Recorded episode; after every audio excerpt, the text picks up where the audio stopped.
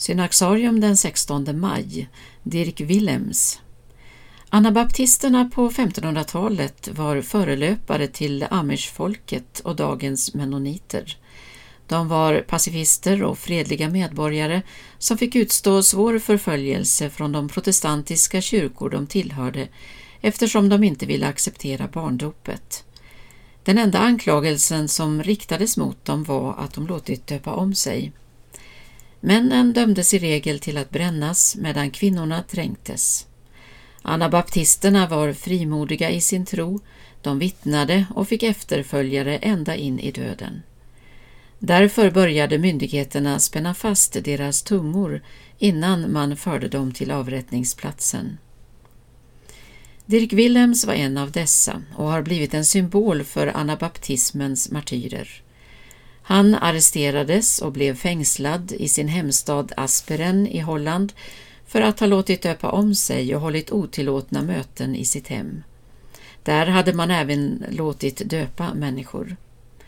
Willems insåg att han inte skulle kunna undgå en dödsdom om han blev kvar i fängelset. Med hjälp av ett rep som han tillverkat av tygbitar lyckades han fly genom att fira sig ned för fängelsemuren. En vakt tog upp jakten på Dirk Willem. Det var tidig vinter och tunn is hade lagt sig på dammen som han flydde över. Han lyckades själv ta sig över, men isen brast under hans förföljare som förtvivlat ropade på hjälp. För Dirk var evangeliets ord om att älska och hjälpa sin fiende allvar. Han vände tillbaka och drog upp mannen ur det iskalla vattnet.